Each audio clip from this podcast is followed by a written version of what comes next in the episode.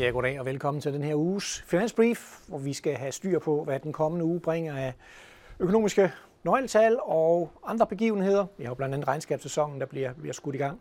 Men lad os lige øh, kaste et blik øh, bagud på, øh, på sidste uge for at se, hvad er det, vi går ind i ugen med. Og vi kan jo da se, at det er med fald på aktiemarkederne øh, over hele linjen, og det, der er kan man sige, driveren bag ved det, det er jo altså, at, at inflationstallene stadigvæk spøger lidt, og jo altså gør, at kan man sige, at markedet er nervøs for, at der kommer flere centralbankhævninger, både i USA, men også i, i, i Europa. Og, og det er altså det, der trykker markedet. Og, og det betyder også, at, kan man sige, at, at stærke nøgletal, i hvert fald i USA, egentlig bliver opfattet lidt negativt, fordi det betyder, uh, så kommer centralbankerne måske med, øh, med flere renteforhøjelser. Vi kan se, at uh, renterne også steg i sidste uge, og det forklarer jo også, at den her inflationsfrygt, uh, der har været egentlig, uh, dollaren lidt ned, og uh, pæn stigning til olien. Olien er egentlig kommet godt fra start her i anden halvår, efter et første halvår, der var præget af kan man sige, er egentlig svaghed og stor recessionsfrygt, så er olien egentlig begyndt at blive løftet her. Blandt andet også fordi, at øh, Saudi-Arabien igen har skåret i produktionen. USA skal måske ud og fylde de strategiske lager op. Så øh, der har altså været lidt luft under vingerne til, øh, til olien. Ellers, øh, hvis vi skal prøve at kigge på den her uge, jamen, øh, så synes jeg, vi skal lægge ud med regnskabssæsonen og se på, hvad kan vi, hvad kan vi vente der. Det er jo sådan, at den amerikanske regnskabssæson siger man jo typisk bliver skudt i gang med de store bankregnskaber, og de starter altså på fredag her den 14. JP Morgan blandt andet. Øhm, kigger man på forventningerne, der ligger derude i markedet, jamen så er egentlig forventningen, at andet kvartal, det bliver bunden på regnskabssæsonen. Det bliver der, hvor indtjeningen falder mest, omkring de her 8 procent er øh, forventningen er blevet reduceret ned i løbet af de sidste tre måneder. Men derefter så forventer man faktisk, at indtjeningsbilledet det bedrer sig. Øh, og det er måske sådan lidt, lidt vel optimistisk. Kigger vi på, hvad de 8% dækker over, jamen så er det altså meget, man forventer, der kommer pres på profitmargin, altså hvor meget virksomhederne kan tjene ud af et givet salg, øh, mens der vil være nogenlunde uændrede indtægter, hvis man kigger på, øh, på forventningerne. Det er energi, der trækker mest ned, og det er jo blandt andet også fordi, at oliepriserne er, ligger 30 procent under, hvad de gjorde for et år siden. Så det er klart, at det er noget af det, der, der, der selvfølgelig kan tynge energiselskaberne. Øhm, Kommunikationsservice øh, er et af de steder, hvor man forventer de bedste indtjeningsudviklinger i virkeligheden. Øhm, man kan sige, at, at et par lyspunkter i det her er jo, for det første ved vi, at ofte så sørger man jo egentlig også for at få forventningerne drosset så meget ned, at der er chancer for, at virksomhederne faktisk kan slå forventningerne, når de nu kommer med deres, med deres regnskabsmeddelelser. Øhm, positivt er det også, at indtjeningsrevisionerne faktisk er begyndt at øh, stabilisere sig. Men, men før vi kigger på det, lad os lige se på, hvad er det egentlig for et marked, som vi, øh, som vi kigger på. det her det er kursudviklingen siden 31. maj. Og vi kan se, at investorerne de er altså begyndt, undskyld, og, og begyndt at tage lidt profit hjem på tech-selskaberne. De her kunstig intelligensselskaber. De ligger lidt nede.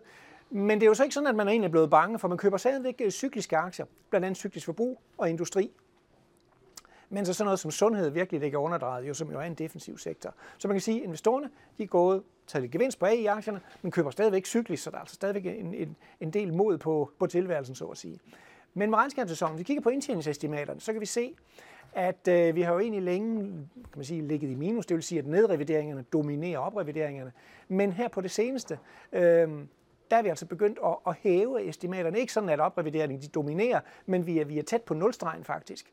Så det kunne jo tyde på, at indtjeningen måske er ved at stabilisere sig, i hvert fald når, når analytikerne skal, skal give deres øh, estimater. Øhm, og, og, og der, hvor vi har set især nogle store oprevideringer, det er jo blandt andet i de store tech-selskaber. Øh, sådan et selskab som Meta har fået oprevidering, eller oprevideret deres indtjening for 2023 med 20 procent. Nvidia, som jo startede hele den her AI-feber, øh, kan man sige, jamen de har fået oprevideret deres 2023 indtjening med, med hele 130 procent. Øh, så det er selvfølgelig øh, meget dem, der er med til at, øh, at trække det op. Hvad med indtjeningen overordnet set for, for 2023? Jamen der kan vi se, at, at her har vi en graf over indtjeningsestimatet for 2023. Og vi har altså fået reduceret det med omkring 12 procent, så man er godt klar over, at, at der er altså nogle modvinde derude. Øhm, så, så spørgsmålet er så stadigvæk jo, om de 12 procent, er det nok til at tage højde for, at der jo måske kommer en recession i 2024, der kommer til at trække ned. Plus, at vi ved jo selvfølgelig heller ikke, hvor lang tid vil den her AI-fokus, hvor, hvor, hvor, hvor, hvor kraftig vil den blive. Og det kan jo blive et af fokuspunkterne på regnskabssæsonen. Hvad siger regnskaberne nu her? Eller hvad siger virksomhederne nu til AI? Vi ved, at i Q1, altså første kvartal, der var det et meget, meget stort fokuspunkt at fortælle om, hvad man gjorde med øh, kunstig intelligens, altså AI. Spørgsmålet er, hvor meget fortæller man den her gang. Et andet stort tema, tror jeg, det bliver også, hvor, hvor gode vil man være til at fastholde sin profitmargin i lyset af, at inflationen nu er på vej ned. Da inflationen steg, der var virksomheden jo god til at overvælte prisstigningerne til forbrugerne. Men øh, hvordan ser det ud nu her, når inflationen faktisk er på vej ned? Det tror jeg også bliver et stort tema. Og så selvfølgelig også, kan man sige, i USA specielt, hvordan den her bankkrise i marts, har den haft nogle effekter på, på nogle af selskaberne? Og hvordan oplever de øvrigt forbrugerne derude, og forbrugernes købevillighed? Det tror jeg, det bliver øhm, øh, øh, nogle af fokuspunkterne. Ellers øh, i den her uge, så var der andet fokuspunkt, jamen det er inflation, det amerikanske inflation, som øh, vi får onsdag. Og der er altså udsigt til, at inflationen kommer ned der også. Øh, I hvert fald den overordnede inflation, der skal vi ned omkring måske 3,1 procent, øh, hvor vi jo lå på, på 4%. Kerneinflation, det går altså noget mere træt. Der ved vi, at der er stadigvæk mange af servicepriserne inde, og, og, og service er et af de steder, hvor inflationspresset stadigvæk er til stede. På varepriserne, der forventer vi altså, at de her store lager stadigvæk vil trække ned i, øh, i inflationen.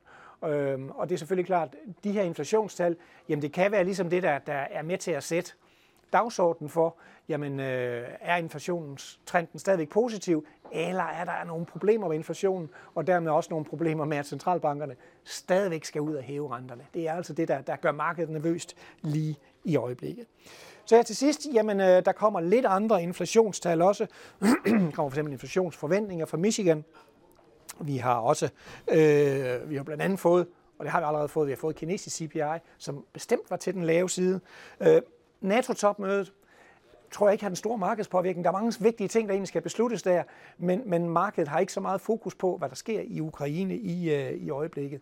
Og så er der selvfølgelig kornaftalen, som jo skal, skal genforhandles, men det bliver nok mere sådan en sidehistorie for markedet. Det er altså inflationen, og det er regnskabssæsonen. Det er det, der bliver i fokus i den her uge. Jeps, det var det hele. Tak fordi du kiggede med.